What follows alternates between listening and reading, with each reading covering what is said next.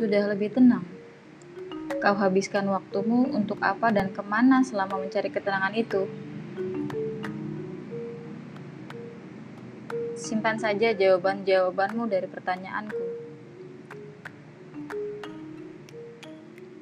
Sesekali, menepi dari keseharian tak membuatmu jadi hilang kendali. Justru akan menjadi suntikan energi untuk melanjutkan perjalananmu lagi dan lagi maka jangan sungkan untuk menepi sejenak. Rebahkan kepatuhan pada Allah dalam doa-doa panjangmu.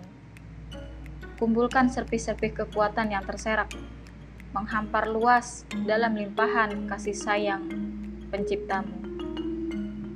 Kau terlalu bersemangat meniti langkah-langkah kecilmu, tetapi kau lupa menyertai Allah di tiap langkah-langkah itu maka jangan heran jika kau rasakan lesu, tak tahu arah yang kau tuju. Sujud sembah pun terasa tak lagi khusyuk. Jawabannya hanya satu. Kau abaikan Allah yang sebenarnya selalu memperhatikanmu, yang tak luput memberikan kenikmatan padamu meski maksiat kau lakukan tak tahu malu. Melangkahlah pelan, tetap teguh dalam iman. Ingin menepi silakan, berhenti jangan.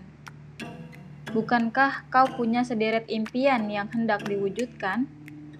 Mohonlah kekuatan, sebab Allah sangat tahu bagaimana menakar kesanggupan. Bersabarlah dengan sebaik-baik kesabaran. Teguhlah dengan sebaik-baik keteguhan.